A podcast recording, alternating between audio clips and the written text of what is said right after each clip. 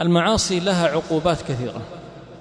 عقوبات عليك وعلى جسدك وعلى صحتك وعلى مالك وعلى أسرتك وعلى سيارتك وعلى وظيفتك وعلى تفكيرك وعلى قلبك وعلى كل شيء. ومن أراد المزيد فليعد إلى كتاب ابن القيم الجواب الكافي. يجد أنه ذكر أكثر من خمسين عقوبة من عقوبات الذنوب. عندما تدعوك الخواطر لكي تعود بعض الإخوة بداية استقامة يكون إيمانه ضعيف. فبعض الزملاء السابقين يحدثون بالذكريات وبالجلسات وبالسفريات وشواطئ السياحة وبعض الرحلات الجميلة التي استمتعوا فيها ولكن بأمور لا ترضي الله عز وجل. نقول قف قليلا وتذكر ألم الذنب.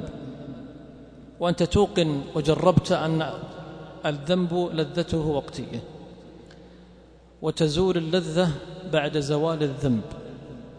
تفنى اللذاذة ممن نال صفوتها من الحرام ويبقى الإثم والعار.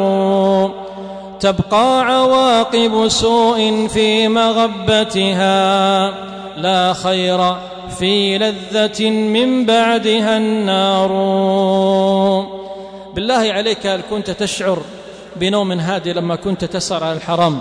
لما كنت تتناول بعض المحرمات هل كانت صحتك جيدة؟ هل كان تفكيرك جيد؟ هل كان عم هل كان وجهك مضيء؟ هل كان قلبك سعيدا؟ لا والله لقد ذقت آلام وأحزان ولعل بعض هؤلاء فكر بالانتحار. كلما فكرت في ألم الذنب كلما ابتعدت عنه على قدر تفكيرك.